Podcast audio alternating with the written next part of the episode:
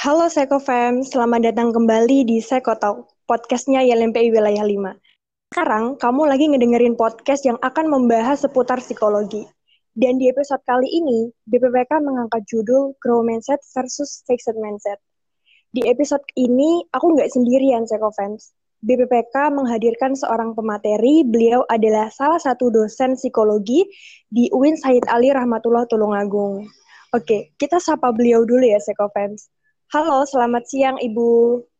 Selamat siang, Iya. Oke. Apa kabarnya Ibu? Alhamdulillah sehat. Semoga sehat semuanya ya. Ya, amin. Terima kasih Ibu sudah meluangkan waktunya untuk berbagi bareng kami, eh, berbagi sama Sekofems, pendengarnya podcast ILMPI, eh, mengenai topik kita pada hari ini nih Bu, yaitu grow mindset versus fixed mindset gitu. Jadi ya, hari ini kita bakal membahas soal uh, pola pikir pola pikir terutama untuk kita para mahasiswa uh, pola uh, pola pikir apa sih yang bisa mendukung uh, kita mencapai goals apalagi kita sekarang posisinya adalah sebagai mahasiswa gitu. Ya. Uh, Sekofans, ada nih buku dari seorang peneliti, Carol Dweck. Bukunya adalah Mindset, judulnya. Mungkin uh, udah pernah tahu sebelumnya. Nah, dia uh, bilang bahwa pola pikir atau mindset itu ada dua, yaitu grow mindset atau pola pikir berkembang dan fixed mindset atau pola pikir tetap gitu. Oh iya Bu Nikmah, uh, sebenarnya pola pikir itu apa Bu? Dan kalau definisi grow mindset dan fixed mindset itu seperti apa Bu? Kalau kita bertanya tentang uh, pola pikir ya, pola pikir itu sama kayak kita menyebutnya sebuah mindset. Mindset itu seperti pandangan pandangan kita terhadap kemampuan yang kita miliki. Jadi apa yang kalian kerjakan hari ini, apa yang uh, sedang ada pada diri kalian ini saat ini itu adalah mindset kalian. Karena uh, mindset itu membentuk karakter kalian yang seperti ini. Yang saat ini ini adalah mindset kalian gitu. Jadi kemampuan pola pikir itu sangat sangat uh, berpengaruh terhadap uh, karakteristik dari setiap individu. Kalau dilihat lagi uh, definisi dari apa tadi ya, grow mindset ya, sama fix mindset. Kalau grow mindset itu uh, kita menganggap kita mengartikannya itu seperti gini. Grow mindset itu kecerdasan, kemampuan dan kepribadian itu yang bisa berkembang. Jadi apa-apa uh, yang bisa kita usahakan, kita belajar itu bisa dikembangkan. Tapi kalau uh, fixed mindset itu mengarah pada kecerdasan, kemampuan atau skill kalian, kepribadian kalian itu tidak bisa dirubah. Jadi ya paten segitu gitu. Makanya kalau misalnya kita dengan anak kecil gitu ya, kok dipatenkan misalnya seperti ini. Kamu kok bodoh sih gitu. Kamu kok nggak pintar sih. Nah, itu adalah kata-kata seperti itu itu bisa mensugesti seseorang atau individu itu untuk uh, memiliki mindset yang fix gitu. Tapi kalau kalau kita mengatakan bahwa wah kamu hebat ya, ternyata kamu bisa seperti ini, ya dijelaskan bisanya itu apa, prosesnya itu apa, itu bisa mempengaruhi grow mindset itu sendiri. Jadi tinggal bagaimana kita kan bahwa diri kita itu di fix mindset atau di begitu. Jadi uh, kita bisa milih ya. Kita bisa mindset sama iya. fix mindset. Baik, jadi kita bisa milih ya Bu, kita mau lebih ke grow mindset atau fixed mindset, gitu. Iya, bisa, um, bisa. Kita bisa menentukan kok kita ini berada di tahap yang mana, eh bisa di posisi yang mana gitu maksudnya. Uh, kalau setiap individu itu dia hanya memiliki satu uh, dari dua jenis ini atau uh, semua orang memiliki dua ini tapi ada yang paling dominan, Bu? Ada semua orang itu milik memiliki dua ini. Jadi kadang kadang nih ya, kadang seseorang itu berada di di posisi yang fix mindset. Oke, nggak apa-apa kok. Cuman kita harus namanya seseorang itu kan harus produktif ya. Kita harus tetap bagaimana caranya saya untuk berkembang gitu. Nah, ketika kita dalam uh, dalam posisi fix mindset, ya segera berubahlah untuk menjadi grow mindset.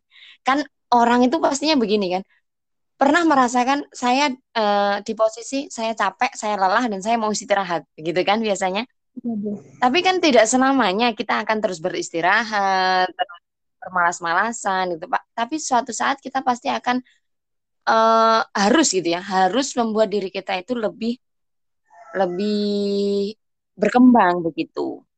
Uh, jadi apakah perbedaannya itu hanya terletak pada mau berusaha atau enggak untuk berkembang Bu atau ada perbedaan lain yang membedakan orang dengan grow mindset dan fixed mindset? Sebenarnya hmm, tidak hanya itu sih kalau kita lihat ciri-cirinya per per apa gitu ya, per grow mindset sama fixed mindsetnya ya macam-macam sih. Misal kalau kita ciri-cirinya yang grow mindset dulu nih ya orang yang memiliki uh, growth mindset. Kenapa sih kita itu selalu berpikir ini ya? Mindset itu kan selalu berpikir bagaimana seseorang itu bertindak dengan uh, kehidupan ini gitu kan mestinya. Pasti ya. di situ kita akan melihat antara kesuksesan gitu. Jadi cara pandangnya itu kan pastinya di situ. Nah, ciri-ciri orang yang memiliki growth mindset itu punya punya untuk eh, punya punya keinginan punya keinginan untuk mereka itu selalu berlatih gitu. Tidak hmm. sekali sekali gagal lah memang ini kemampuan saya. Nah kalau seperti itu dinamakan fixed mindset. Jadi ketika gagal ya udahlah ini memang kemampuan saya memang seperti ini gitu.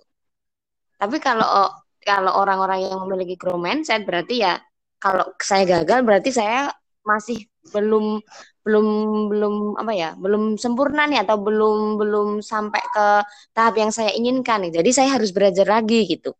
Terus kalau lagi misalnya kalau dikritik seorang gitu ya. Jadi kalau orang yang grow mindset kritik itu sebagai sarana untuk lebih mengembangkan dirinya. Jadi kita kayak berkaca begitu dengan kritik. Tapi kalau orang yang dengan fixed mindset fixed mindset berarti uh, dia menganggap bahwa kritik itu um, tidak ada tidak ada nilainya karena memang saya sudah seperti ini mau diapakan lagi gitu. Kalau dikritik itu memang seperti itu dan tidak bisa dikritik orang-orang yang memiliki fixed mindset. Terus uh, yang ketiga ya, yang ketiga itu kalau orang-orang dengan grow mindset itu suka dengan pekerjaan yang rumit itu misalnya. Kenapa sih kok pekerjaan yang rumit aja kok suka gitu ya? Padahal kalau kalau bisa yang mudah kenapa yang sulit gitu? Karena orang-orang dengan grow mindset itu berpikir pekerjaan yang sulit itu pasti akan mengembangkan banyak ide. Iya, banyak ya, ide. Uh, ini memunculkan kreativitas-kreativitas baru Makanya orang yang dengan grow mindset itu suka dengan hal-hal yang seperti ini, yang rumit, yang sulit, perlu perlu problem solving yang ekstra gitu tuh suka. Cuman kalau orang-orang yang dengan fixed mindset, kalau pekerjaan-pekerjaan sulit itu membosankan, tidak terselesaikan gitu. Dan itu terpakunya hanya nggak mau berubah intinya di situ sih. Kalau melihat di melihat ciri-ciri orangnya gitu. Terus ada lagi kalau yang paling penting dalam grow mindset itu sebenarnya tidak terfokus pada hasil.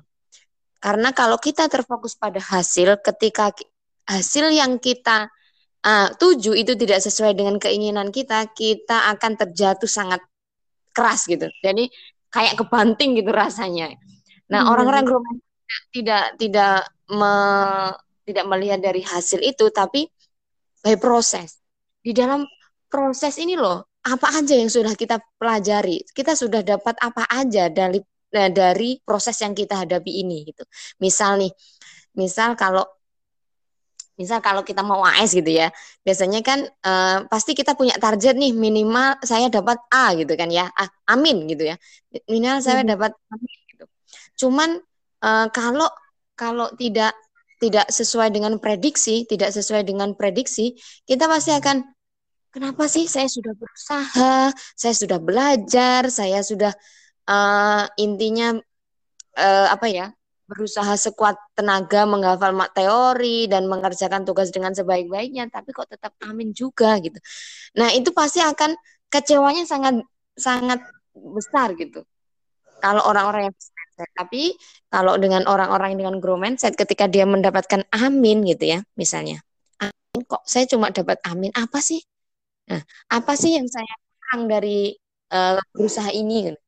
Usaha ini apa yang apa yang harus saya tingkatkan lagi nah seperti itu jadi paling tidak proses itu uh, akan pasti akan ada uh, apa ya kemajuan-kemajuan yang kita dapat petik gitu. Misal nih kita semakin disiplin, itu kan sebuah kemajuan. Kalau saya mau belajar setiap harinya, misal satu jam setiap hari atau setiap siang saya harus belajar satu jam, malam saya harus belajar satu jam, itu kan sudah kemajuan-kemajuan yang ada pada diri kita untuk menjadi lebih disiplin. Jadi tidak ada yang sia-sia intinya dari usaha kita. Jadi uh, fokusnya orang-orang yang di grow mindset itu itu tidak hanya pada hasil, tapi by proses. Prosesnya itu kemajuan apa yang yang bisa kita petik dari situ, kayak gitu. Itu kalau ciri-cirinya ada di situ. Itu. Oh iya, jadi uh, yang orang dengan grow mindset itu lebih ke fokusnya pada proses, sementara yang fixed itu lebih ke yang hasil ya bu ya. Dan ya, orang jadi, grow itu uh, banyak aksi tapi minim ekspektasi begitu ya Bu? Iya betul. Iya betul betul. Begitu. Lalu uh, apa orang dengan grow mindset itu dan apa orang dengan fixed mindset ini dia selalu gagal? Hmm, tidak bisa menjadi tolak ukur. Karena oh, iya tidak bisa menjadi tolak ukur. Cuman grow mindset itu menjadi salah satu cara untuk uh, kita menuju ke arah kesuksesan. Berarti kan pasti ada cara-cara mengiringi grow mindset ini gitu kan.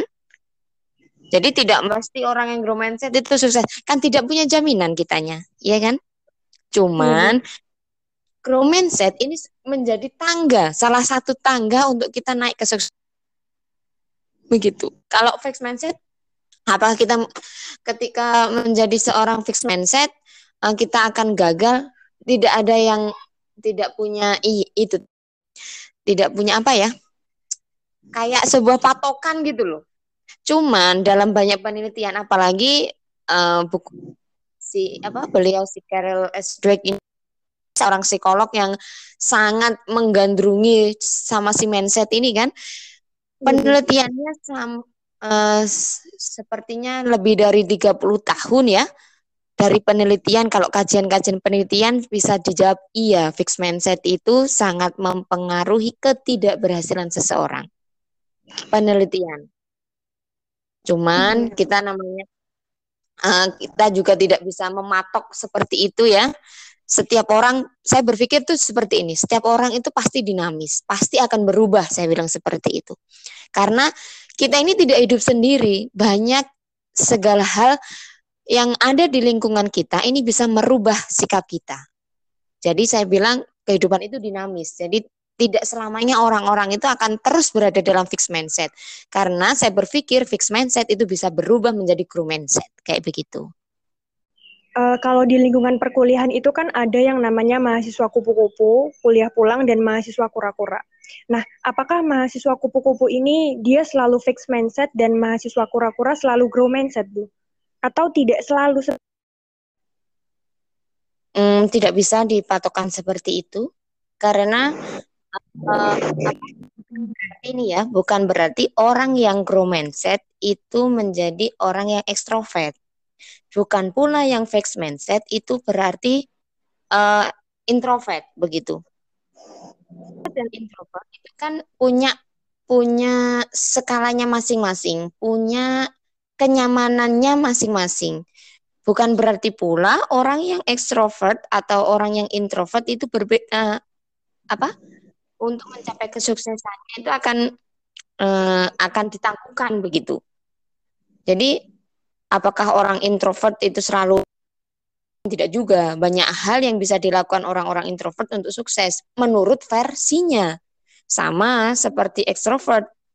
Jadi bukan berarti kalau uh, mahasiswa yang kupu-kupu gitu ya, kuliah pulang, kuliah pulang gitu kan bukan berarti mereka tidak punya grow mindset. Karena di sini di uh, apa?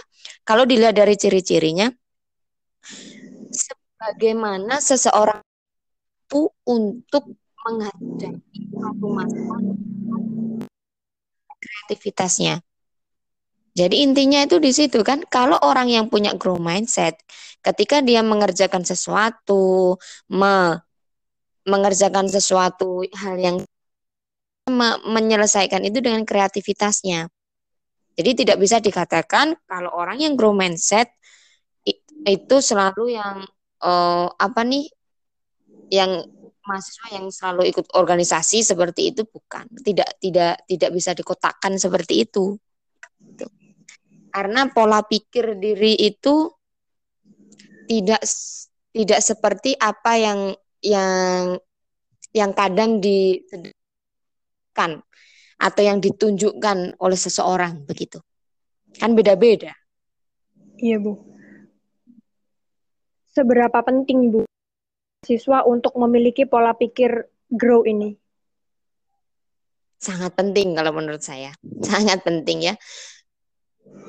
Seperti yang di awal saya bilang bahwa mindset seseorang itu mempengaruhi uh, diri kita saat ini. Jadi bisa dikatakan diri kita saat ini itu bisa dibentuk salah satunya. Makanya kalau kita memiliki uh, grow mindset, Karel S. Dweck itu juga mengatakan seperti ini. Uh, orang dengan dengan grow mindset ini jauh lebih sukses daripada orang-orang yang memiliki fixed mindset gitu kan. Karena kenapa? Kita lihat dulu aja. Setiap orang itu pasti uh, akan mengalami dua hal. Kalau tidak A ya B gitu kan. Kalau tidak tidak plus berarti ya kurang gitu. Bagaimana cara pandang kita untuk melihat sebuah kegagalan dan kesuksesan. Misal, kenapa penting ya? Kenapa penting sih ketika kita memiliki grow mindset? Agar kita itu selalu berkembang, kita sel bisa kita, eh, kita selalu bisa produktif.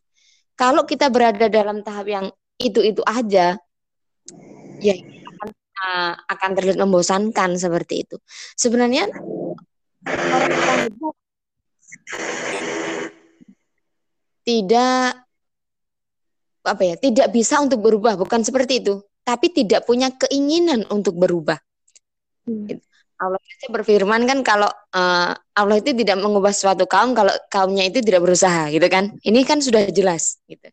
Ini sudah jelas. Berarti harus ada progres yang uh, terletak pada diri kita sendiri kalau kita tidak tidak berubah ya berarti akan tetap seperti itu kalau kita tidak memiliki grow mindset kita akan stay pada satu hal itu, satu fokus itu. Ditanya dulu, apa tujuannya hidup sampai saat itu, saat ini itu apa gitu. Kita uh, yang ringan-ringan dulu aja, sepertinya seperti hal seperti ini, keseharian. Misal nih, kalau uh, hierarki kebutuhannya Maslow, mungkin kalau banyak yang dapat hierarki kebutuhannya Maslow itu kan selalu eh, bertahap nih dari hierarki pertama, kedua sampai ketujuh sampai ke aktualisasi diri. Nah, kita aja nih tidak bisa mencapai dua hierarki atau mencapai dua tahap ya, mencapai tahap kedua di tahap pertama, tahap fisiologis. Gitu kan? Berarti kita kalau tetap stay di situ ya kita tidak akan mendapatkan sampai ke tahap yang aktualisasi diri. Bisa dilihat kan berarti ketika kita memiliki grow mindset, kita tidak akan berubah kalau tidak punya grow mindset. Begitu.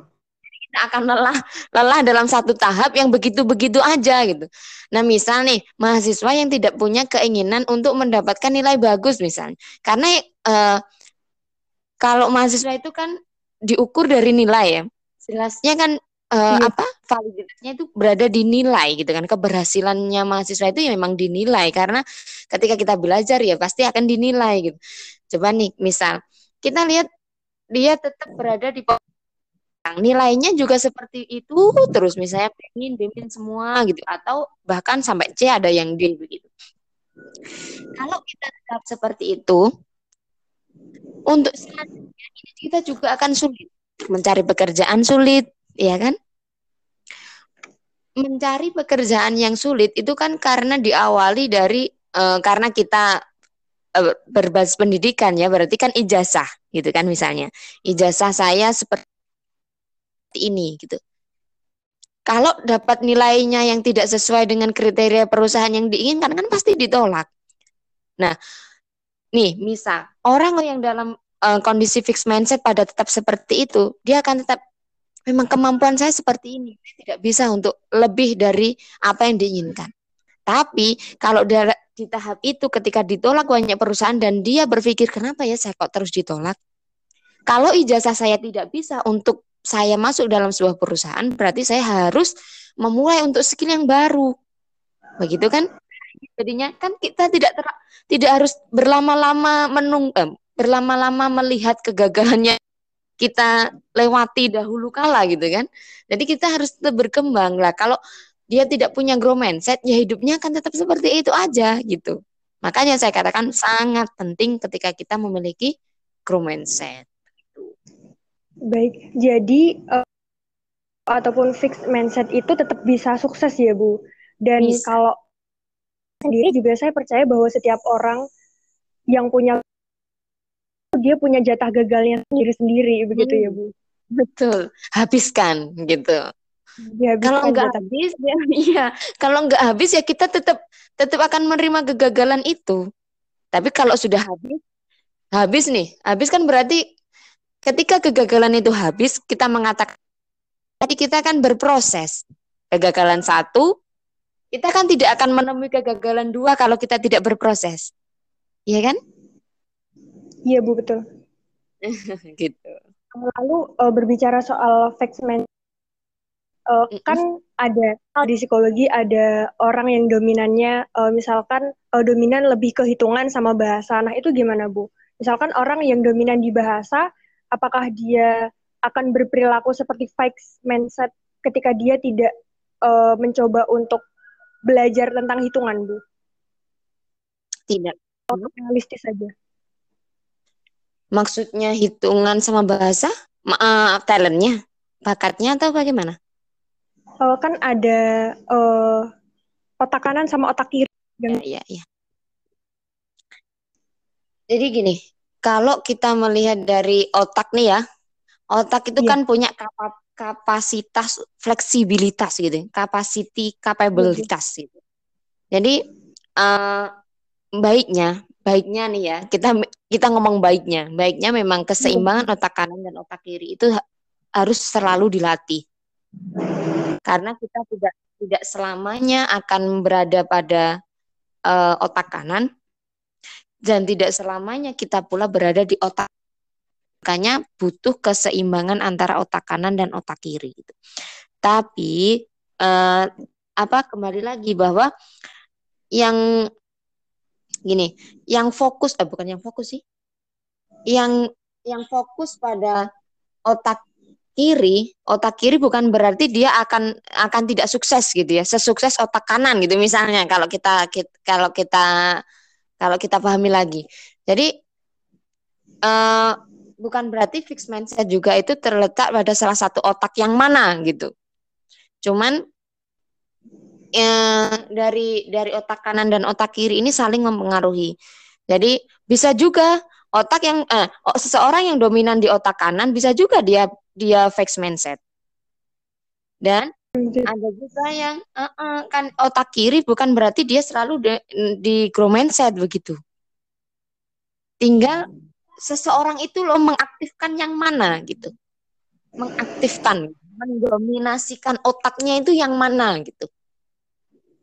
Tapi kan banyak toh yang mereka sukses dengan otak kirinya aja atau mereka yang sukses dengan otak kanannya aja. Kalau otak kanan misalnya kan ini ya tentang kesenian, tentang uh, kreativitas kan juga banyak. Tapi bukan berarti orang-orang yang dengan hitungan, angka-angka, fakta seperti itu kan bukan uh, bukan berarti mereka tidak akan sukses. Jadi perlu keseimbangan antara keduanya, begitu. Lalu uh, harus mulai dari mana Bu untuk bisa memiliki grow mindset? Apa yang harus dilakukan pertama kali untuk seseorang yang mungkin teman-teman psychofans di rumah mungkin merasa bahwa uh, dirinya fake mindset terus dia pengen apa yang harus dilakukan pertama kali nih? Oke, untuk sahabat-sahabat semua, yang perlu pertama kali kita lakukan adalah kenali diri kamu. Lihat dulu diri kamu ini fix atau grow. Itu. Pertama kali yang dilakukan adalah saya ini termasuk yang fix atau grow. Nah, sekarang bisa di, dilihat dulu, dianalisis dulu dirinya, di mengaca dulu pada dirinya. Selama ini saya ini sudah fix atau grow gitu. Nah, ketika sudah ketemu nih, oh saya ini kayaknya banyak fixnya deh gitu ya, misalnya nih. Banyak fixnya deh saya ini. Kalau kalian merasa bahwa uh, saya ini sudah uh, terlalu banyak di fix mindsetnya dan grow mindsetnya sangat jarang. Jadi kita perlu melatih gitu kan. Jadinya bagaimana uh, cara kita melatih untuk grow mindset. Kalau sudah seperti ini, kalau sudah kalian, oh saya fix mindset. Terus yang yang kedua, yang selanjutnya bisa kita lakukan adalah kenali dulu kelemahan saya ini apa aja sih. Misal kalau di dalam perkuliahan, saya ini lemah dalam mata kuliah apa sih? Saya ini uh, kelebihannya di mata kuliah apa sih? Omong kosong kalau semua orang itu tidak punya kelemahan, ya. Kelemahan itu pasti ada, hanya saja terkadang kita tidak mau mengakui kita itu punya kelemahan yang mana. Nah, ketika kalian tidak punya rasa jujur pada diri kalian sendiri, jadi jangan berharap kalian bisa berkembang. Jujur pada diri sendiri, saya ini lemah loh kalau ketika presentasi gitu. Misal, apa nih yang harus saya lakukan? Jangan dibilang saya itu selalu grogi loh kalau presentasi. Nah, dia tidak menganggap bahwa kegrogian ketika presentasi itu sebagai kelemahan. Jadi ya hanya hanya terus menerus dia akan grogi selama ini gitu. Tapi kalau dia punya grow mindset, kenapa ya saya ini kok grogi? Apa ya yang harus saya lakukan biar saya ini tidak grogi? Kan pastinya akan seperti itu kalau punya grow mindset. Jadi eh, dicari dulu kelemahannya apa, kelebihannya apa begitu. Kalau kelebihan bisa nggak sih kelebihan ini akan menutupi kekurangan saya? Kalau katanya menutupi jangan gitu ya. Bagaimana kelebihan ini kekurangan ini menjadi sebuah kelebihan. Jadi kekurangan itu jangan ditutup. Jadi kekurangan itu harus didampingi biar kekurangan ini menjadi suatu kelebihan yang akan kalian banggakan dalam hidup kalian gitu. Terus yang kedua, uh, kembali lagi yakini uh, gitu ya. Saya saya mensugesti nih ya, mensugesti teman-teman semua nih untuk uh, untuk yakin bahwa otak kita ini sangat fleksibel, sangat uh, bisa dilatih. Kita lihat dulu, kalau kita nggak percaya, eh, kalau kalian nggak percaya nih, kan bayi itu kan dilahirkan dengan kosong gitu ya, seperti kertas putih yang tanpa adanya titik pena hitam atau merah kuning hijau kan nggak ada. Namun dalam perkembangannya si bayi ini bisa bilang A, bisa bilang ma, bisa bilang pa, bisa merangkak, bisa duduk, bisa berjalan. Apa kalau tidak itu adalah kemampuan otak yang fleksibilitas. Jadi fleksibel otak itu. Jadi uh, selama manusia itu bertumbuh, otak itu akan mengalami perubahan. Jadi perubahan apa yang kalian inginkan itu akan terjadi pada otak kalian. Memang benar kalau sudah usia lansia gitu akan mengalami penurunan otak ya memang benar karena kan namanya sistem ya, sistem itu kan pasti ada titik lemahnya, titik kurangnya begitu. Cuman kalau di usia-usia kita lah masih produktif banget loh ini. Jadi teman-teman jangan jangan eh, jangan berpikir otak kita itu ya hanya gitu-gitu aja gitu saya itu bodoh nah apalagi kata-kata seperti itu sudah mensugesti diri kalian. Saya itu nggak bisa nah itu yang nggak boleh. Jadi makanya yakini dulu bahwa otak kalian itu bisa dirubah. Uh, maksudnya dirubah itu ya dari fix ke, ke grow kayak gitu. Terus yang ketiga itu bisa kalian uh, ini ini yang sering saya lakukan ketika saya ketika saya pada posisi yang fix mindset, saya itu selalu suka baca. Jadi baca itu memang menjadi sebuah jendela dunia, gitu kan. Baca, apalagi membaca orang-orang yang sudah sukses. Misal, uh, Bill Gates gitu ya. Kita kita uh, apa nih? Kita lihat uh, sejarahnya beliau. Terus kan kita tadi pada posisi fixed mindset nih. Kita melihat banyak uh, apa nih kayak motivasi-motivasi yang bisa kita ambil dari perjalanan hidup seseorang. Terus kita lihat apakah memang ada sih orang yang dengan fixed mindset itu bisa sukses? Gitu. Coba teman-teman carilah, ada nggak sih ketika ketika orang itu cuma kerjaannya tidur doang, nonton TV, tidak ngapa-ngapain, tapi dia jangan bilang kalau suksesnya keturunan loh ya, jangan. Jadi kaya tujuh turunan itu beda lagi. Kan kalau kita bisa dikatakan sukses itu kan berarti sukses karena diri kita gitu kan, bukan sukses karena orang lain gitu. Jadi coba, coba teman-teman lihat, apakah ada nih orang-orang yang dengan fixed mindset tapi dia tetap uh, kaya raya, punya perusahaan di mana-mana, punya karyawan yang banyak, ada nggak gitu? Nah Dirasa itu bisa menjadi kayak impossible gitu kan ya. Apakah ada gitu? Kalau nggak ada, itu akan menjadi sebuah tamparan yang keras buat kita sebenarnya. Ya. Kalau kita bisa meresapi dari uh, dari perjalanan hidup seseorang yang sudah sukses itu, masa iya sih kita hanya hanya begini doang dapat uang gitu kan? Kayaknya kok nggak mungkin banget gitu. Terus itu yang ketiga ya yang paling yang paling akhir ini menjadi sebuah tanda bahwa kalian itu seseorang yang grow. Apa sih yang keempat ini? Yang keempat itu jangan menghindari tugas-tugas yang sulit. Jadi teman-teman semua, misal nih kalau sudah sekarang di tahap skripsi dan kalian bolak-balik untuk revisi. Jangan sedih.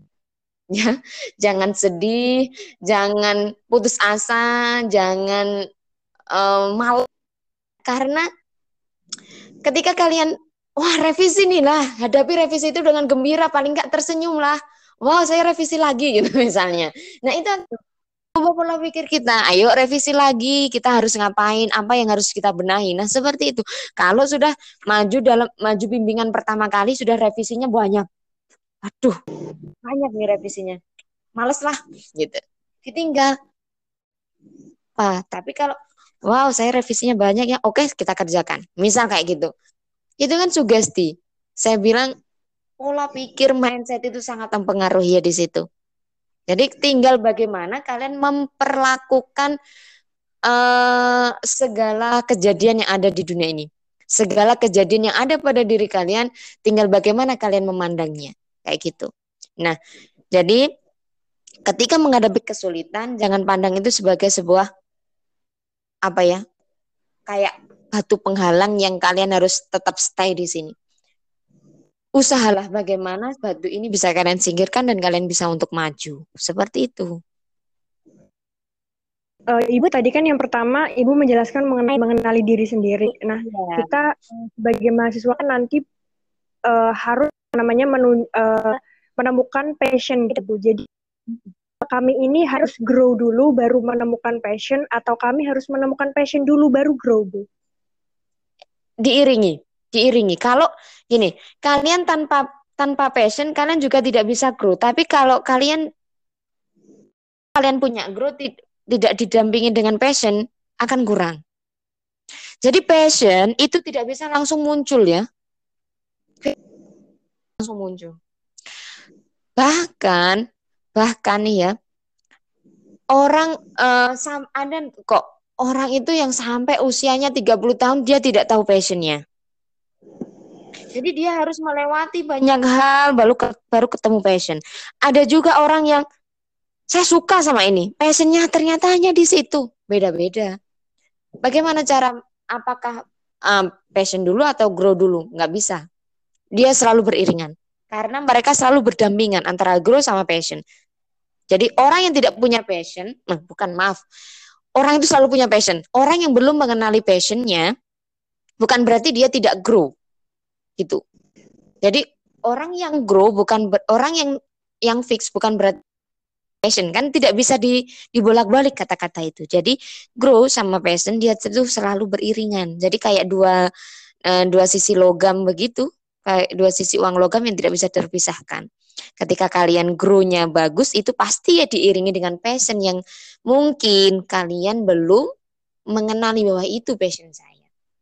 Kayak, kayak begitu. Jadi jadi setiap orang itu sebenarnya punya passion ya Bu, tapi kita oh, harus ya. yang menggali diri untuk tahu passion kita itu sebenarnya. Hmm, iya betul. Jadi saya itu kalau ada yang datang, saya itu nggak punya passion di sini, bah saya selalu nggak suka dengan kata-kata itu ya. Semua orang itu punya passion, hanya saja kita mau apa enggak untuk menggali passion itu gitu. Terus misal begini, passion itu kan kayak sebuah keahlian kita itu ketika uh, suka merasakan flow, merasakan apa ya, merasakan kenikmatan gitu ya, men, merasakan sebuah kebahagiaan dalam suatu pekerjaan itu. Kan itu bisa dikatakan sebuah passion saya memang di situ gitu kan. Seperti orang menjadi seorang desainer. Desainer fashion. Memang passion saya di situ gitu kan. Itu sudah bisa dikatakan seperti itu karena muncul dengan uh, rasa kenikmatan ketika dia bekerja gitu. Bukan berarti orang selalu pindah-pindah pekerjaan itu tidak memiliki passion. Ya itu tadi lah. Kan kadang kadang kita ini kan juga merasakan yang lelah kan terhadap pekerjaan kita. Bukan berarti orang yang punya passion itu terus meningkat semangatnya. Kan enggak juga.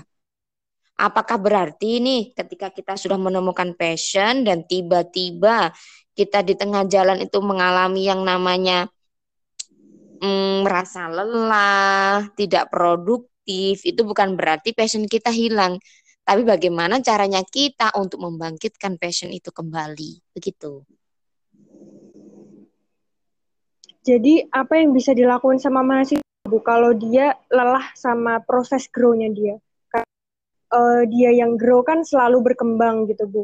suka tantangan, uh, lalu lebih suka daripada yang mudah. Lalu ketika mencapai titik lelah, Bu, itu apa yang harus dilakukan oleh seseorang? Melakukan hobi baru.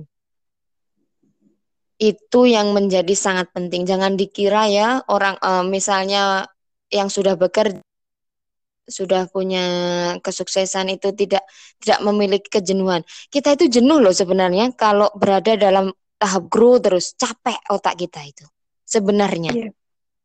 Bagaimana cara merefreshnya? Ini versi saya ya. Mungkin teman-teman punya versi yang lain. Bagaimana cara menyenangkan diri sendiri? Itu menjadi salah satu batu loncatan ketika kita itu terombang-ambing di masa grow. Kalau saya, kalau saya biasanya cari waktu sendiri. Kita kembali ke inner child. Eh, apa ya inner child itu kayak sebuah um, self talk self talknya kita sama masa lalu kita. Gitu.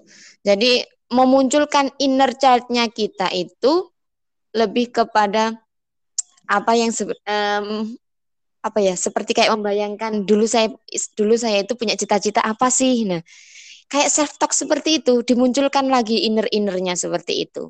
Inner inner child-nya itu dimunculkan kembali kita kita merenung kembali karena kita itu memang capek di posisi yang di grow terus itu akan capek. Ketika kita sudah self talk, self talk itu penting banget untuk mengembangkan diri kita ya, self talk itu. Terus yang kedua bisa kalian traveling, jalan-jalan. Jalan-jalan itu penting sampai ada sampai ada yang quotes-quotes itu kan bilang jalan-jalan itu penting. Jalan-jalan itu lebih murah daripada kita membayar seorang ya. Betul, nah, Ibu. jadi jadi jalan-jalan itu penting. Nggak harus di tempat mewah kok. Nggak harus di tempat mewah. Kalau versi saya loh ya. Kalau kalau versi saya yang penting saya ini jalan-jalan di suasana yang baru. Eh, apalagi kita sukanya yang di mana? Kalau yang sukanya nonton, ya silahkan nonton di bioskop-bioskop. Kalau sukanya traveling ke daerah pegunungan, sok nggak apa-apa. Kalau sukanya ke daerah pantai, ya travelinglah ke sana. Atau orang yang suka dengan uh, shopping, shopping lah nggak apa-apa. Itu memang sesuatu yang bisa memfleksibilitaskan pikiran. Jadi yang mulanya tegang itu punya punya punya kekendoran sedikit untuk lebih lebih lebih punya ancang-ancang terbaru untuk mencapai sebuah loncatan yang baru gitu. Terus selain itu membaca. Ini paling tidak teman-teman semuanya nanti kalau kalian merasa pada suatu crew mindset yang eh, yang melelahkan, paling tidak bacalah satu buku. Satu buku yang baru yang bisa kalian untuk eh, merefresh otak kalian. Terus yang selanjutnya yang keempat itu bisa kalian dengan mm, melakukan hobi. Hobinya kalian itu apa? Tapi ingat, ketika kita melakukan hobi, melakukan kesenangan itu kita harus punya apa ya kayak sebuah ring waktu. Misal saya tiga hari mau malas-malasan, malas-malas lah di waktu tiga hari itu, nggak apa-apa. Kalau menurut saya nggak apa-apa itu. Saya malas tiga hari, saya mau malas tiga hari ke depan, nggak apa-apa itu. Tapi iya, ketika sudah sudah tiga hari kok kalian malas, kalian harus menghajar diri kalian sendiri. Kayak begitu. Mung paling enggak nih ya. Kita kan kalau sedang sunduk, saya kadang tuh cuma pinginnya kan cuma ini, kadang nih, saya pingin maem bakso yang pedes banget gitu kan. Nah, sensasinya rasakan. Ketika saya sudah keinginan saya sudah makan bakso yang pedas. Setelah itu rasakan pada diri kalian, refleksikan. Uh, enaknya. Jadi dinikmatin, jangan jangan ketika makan bakso ya udah gitu, jangan. Nikmatin. Semua itu dirasakan ditranskan gitu. Kalau kalau bahasa psikologinya itu disampaikan kepada uh, apa tahap tahap kalian di it ego eh bukan it ego sih ke alam bawah sadarnya dimasukkan ke sana. Jadi biar semua itu berkesan dan memberikan efek untuk uh, kesuksesan saya ke depan begitu. Itu yang bisa dilakukan teman-teman semua Uh, lalu Ibu tadi sempat menyampaikan mengenai membaca orang sukses ya Bu. Jadi kalau kita membaca orang sukses, belajar dari orang sukses, belajar dari kegagalannya orang-orang sukses itu bisa meminimalisir kegagalan kita sendiri ya Bu. Betul, karena kegagalan itu sebuah pembelajaran. Tidak harus membaca kok ya sebenarnya kita sekarang kan sudah zamannya teknologi sudah sangat canggih ya lihatlah YouTube YouTube yang uh banyak banget di situ. Kadang saya sampai sekarang di titik ini saya itu kadang merinding melihat orang-orang yang sukses dengan banyak kegagalan itu, tapi dia subhanallah bangkitnya luar biasa, gitu kan? Nah, kalau kalau tidak suka membaca lah, kalau tidak suka membaca, ya di situ dengarkan YouTube uh, tentang motivasi-motivasi itu. Memang Podcast kalau, ini. Nah, betul salah satunya gitu ya memang kalau kayak motivator itu kan kayak ini ya, kayak kata-kata yang cuma kalau dirasakan orang-orang yang tidak suka dengan motivator, tidak suka dengan grow, itu akan mengatakan ngomong aja enak. Itu adalah yeah. salah satu tanda orang yang fix mindset itu seperti itu. Alah, motivator itu apa gitu. Misal kayak gitu atau bilang oh omong tok gitu. Nah, kayak begitu adalah orang-orang yang fix mindset karena dia tidak siap untuk berubah. Kayak begitu. Oke, tadi Ibu sempat bilang juga untuk membaca seenggaknya satu buku ya, Bu. Dan buku uh, mindset dari Carol jadi rekomendasi banget ya, Bu ya untuk uh, mungkin teman-teman nih untuk mengenai pola pikir ya. untuk mencapai perubahan yang besar dalam hidup. Betul. Uh, nanti kalau teman-teman uh, kalau baca tentang mindsetnya Carol S. Dweck ini bisa baca juga bukunya yang The Theories. Itu juga gabungan, eh bukan gabungan, lanjutan dari bukunya buku mindset ini. Jadi judul bukunya itu The Theories. Punyanya Carol. Punyanya Carol S. Dweck juga. Itu kayak bukunya satu paket begitu. Jadi kita bacanya yang mindset dulu baru The Theories itu bukunya bagus Uh, lalu eh, orang-orang yang fixed mindset ini nanti pada akhirnya mereka bakal tahu ya Bu kalau ternyata selama ini mereka itu stagnan. Nah, mm. jadi bagaimana Bu kalau misalkan tadi Bu sempat menyampaikan ada orang 30 tahun tapi di uh, passionnya dia. Lalu gimana Bu apa yang harus dilakukan? Apakah masih bisa untuk uh, mengejar passion yang tertinggal itu Bu? Oke. Okay. Gini, kan kita ini sebenarnya kalau tidak mencari tahu kan tidak tahu gitu ya. Ya. Kita tahunya kita tahunya apakah saya ini fix atau grow itu kan pasti akan eh, pasti diawali dengan bagaimana cara caranya kita mengenali diri kita. Kalau kalau nih ya, jika seseorang itu tidak pernah merefleksikan dirinya atau tidak pernah memproyeksikan dirinya atau tidak pernah mencoba untuk mengenali dirinya, dia tidak akan pernah melihat bagaimana dirinya. Itu.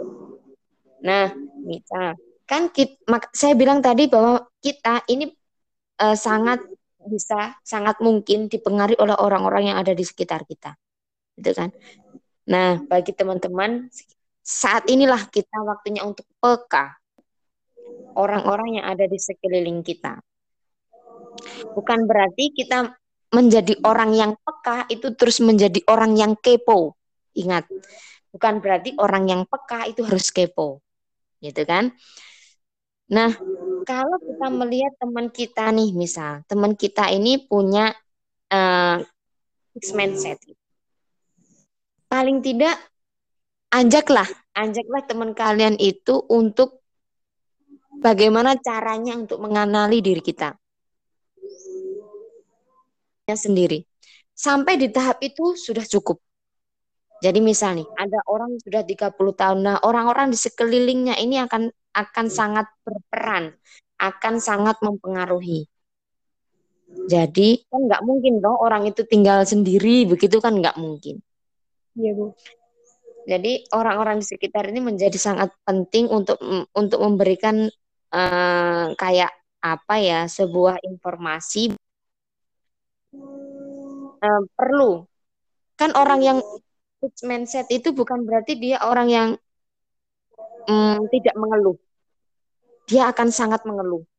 Dan ketika orang fixed mindset ini sukses bukan berarti kan tidak berarti fixed mindset ini tidak bisa sukses ya ketika orang mindset ini sukses, dia itu sangat membutuhkan orang mengakui dirinya ini adalah orang yang sukses. Namun ketika dia akan jatuh, dia akan sangat terpuruk. Sangat terpuruk. Dan dia pasti akan selalu menyalahkan orang lain atas kegagalannya. Itu termasuk orang yang fixed mindset. Jadi bagaimana dengan orang yang 30 tahun ini kok uh, terus berada dalam berada pada tahap itu? Ya berarti orang-orang yang di sekelilingnya. Kita harus menjadi peka. Itu. Uh, berbicara soal uh, kita dipengaruhi sama orang lain, Ibu. Kadang mm -mm.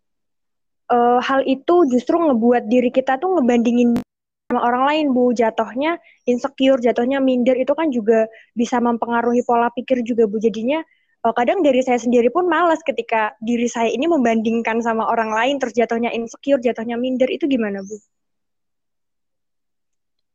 Itu kan berat. Emang kalau kita itu dibandingkan bahwa bahkan sejak bayi pun kita tidak boleh membandingkan anak kita walaupun anak kita sendiri gitu kan. Makanya kita yang pertama kali ketika mengenali diri itu kelemahan, kita tidak boleh tidak boleh menutup kelemahan itu. Kalau memang itu menjadi sebuah kelemahan, bagaimana caranya untuk menjadi sebuah kelebihan? Memang kalau orang lain itu pasti kita akan menjadi insecure. Tapi ingat, keinsecurean kita itu kan muncul karena kelemahan kita ya. Iya. Bu. Nah, dari dari kelemahan ini apa kelebihan kita? Bisa nggak sih kelebihan kita ini mengiringi kelemahan kita untuk menjadi sebuah kelebihan juga? Gitu. Jadi harus kuat penilaian dirinya kita itu konsep dirinya harus kuat. Nah, ini makanya saya tadi bilang kalau kalian membaca bukunya Carol S. Dweck Mindset, kalian harus baca buku teori eh, buku The Theories-nya punyanya Carol juga. Ini caranya kita menguatkan self improvement kita di situ. Jadi buku itu selalu berhubungan. Kalau kita kuat pada konsep diri kita, pada uh, pada efikasi diri kita atau self effication, kita akan sangat menghadapi kritik itu dengan legowo. Itu. Oke. Okay. Uh, eh, berarti semua orang itu berawal dari fixed mindset ya? Hmm, berawal dari tidak. Ini dua fix sama grow itu muncul. Tapi kondisinya itu lingkungan kita apakah kita ini selalu dilatih untuk grow atau tetap fix. Misal nih, kalau kita dalam satu keluarga, dalam satu keluarga yang di keluarga itu selalu bilang kata-kata yang yang yang tidak grow. Saman kok bodoh sih, gitu aja nggak bisa. Terus tumbuh itu ya fix. Namun ketika kita berada, eh, kita tumbuh di keluarga yang sangat eh, mengedepankan proses kemajuan-kemajuan kecil yang pada di proses itu, kita akan grow. Jadi apa ya kan manusia itu tercetak, eh manusia itu tercetak, manusia itu eh, karakter seseorang atau kepribadian seseorang kan terbentuk karena uh, pembelajaran kita. Kita ingat bahwa lima tahun pertama itu adalah masa golden age-nya kita, gitu kan? Yeah. Nah, di situ mempengaruhi. Tinggal kita berada di lingkungan yang fix atau yang grow. Oke, okay, gitu. baik. Uh, mungkin uh, yang terakhir, mungkin Ibu uh, bisa memberikan pesan atau tips buat teman-teman, buat para fans Bu, untuk uh, bagaimana mereka mencapai grow mindset biar mereka tetap semangat nih untuk mencapai goalsnya mereka.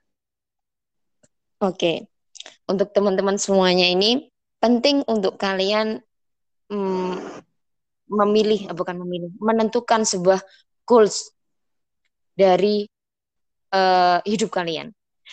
Goals itu tidak harus satu, eh tidak hanya satu. Boleh goals itu banyak, boleh. Namun ketika kalian punya goals, tinggal bagaimana kalian mengubah pola pikir itu.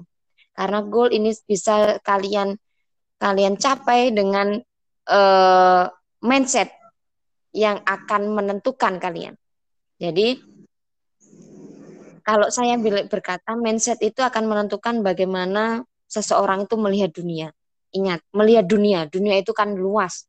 Jadi kalian pilih mindset yang tepat yang membantu, yang dapat mengembangkan potensi dan bagaimana cara meraih goals yang sudah kalian bentuk. Ingat, kemampuan pikiran itu sangat kuat. Bahkan kita bisa sembuh dari penyakit fisik dengan kemampuan kita mengolah pola pikir. Kekuatan itu sangat luar biasa. Kekuatan pola pikir, mindset itu sangat luar biasa. Jadi uh, ketika kalian gagal, tinggal bagaimana kalian menguatkan diri kalian, menguatkan mindset kalian untuk bisa terus berkembang. Orang lain mungkin iya kan uh, support, cuman orang lain hanya bisa memberikan support secara eksternal. Tapi yang menggerakkan kalian adalah internal dari diri kalian. Jadi untuk teman-teman semuanya, setiap hari jangan lupa untuk selalu belajar paling tidak kalian punya satu pencapaian dalam setiap harinya. Ketika kalian sudah mencapai mencapai satu titik uh, kemajuan pada diri kalian, apresiasi. Katakan pada diri kalian, terima kasih diri, kamu sudah sangat luar biasa hari ini. Penting itu. Memang dianggapnya sepele, dianggapnya sepele buat apa gitu. Cuman Ketika kita bisa melakukan itu, kita akan sangat mampu untuk menyeimbangkan fisik dan psikis kita. Jadi tetaplah work hard, bekerja keras, work smart, tetap bekerja dengan cerdas dan um, be better every day. Setiap lalu menjadi yang lebih baik. Itu yang bisa saya sampaikan. Oke, okay, baik.